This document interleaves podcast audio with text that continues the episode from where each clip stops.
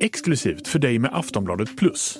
Ja, skulle jag fastna på kvällen då på E22 eller var man nu är någonstans. Då klarar man ändå- ändå 12 timmar med 19 grader då. Ja, men har man halva batteriet då eh, så klarar man sig ju... Man klarar sig minst 12 timmar.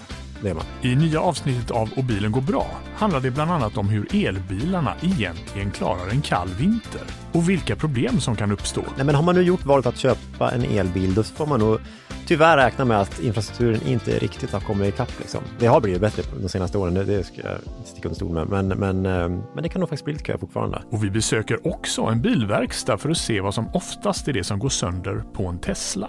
Batterierna lägger av, eh, handtagen lägger av, fönsterhissarna lägger av, eh, kabelstammarna i dörrarna eh, går av, Det låter fruktansvärt. eh, eh, värmen lägger av. Nytt avsnitt av Och bilen går bra för dig med Aftonbladet Plus. Lyssna i Aftonbladets app eller på sajten.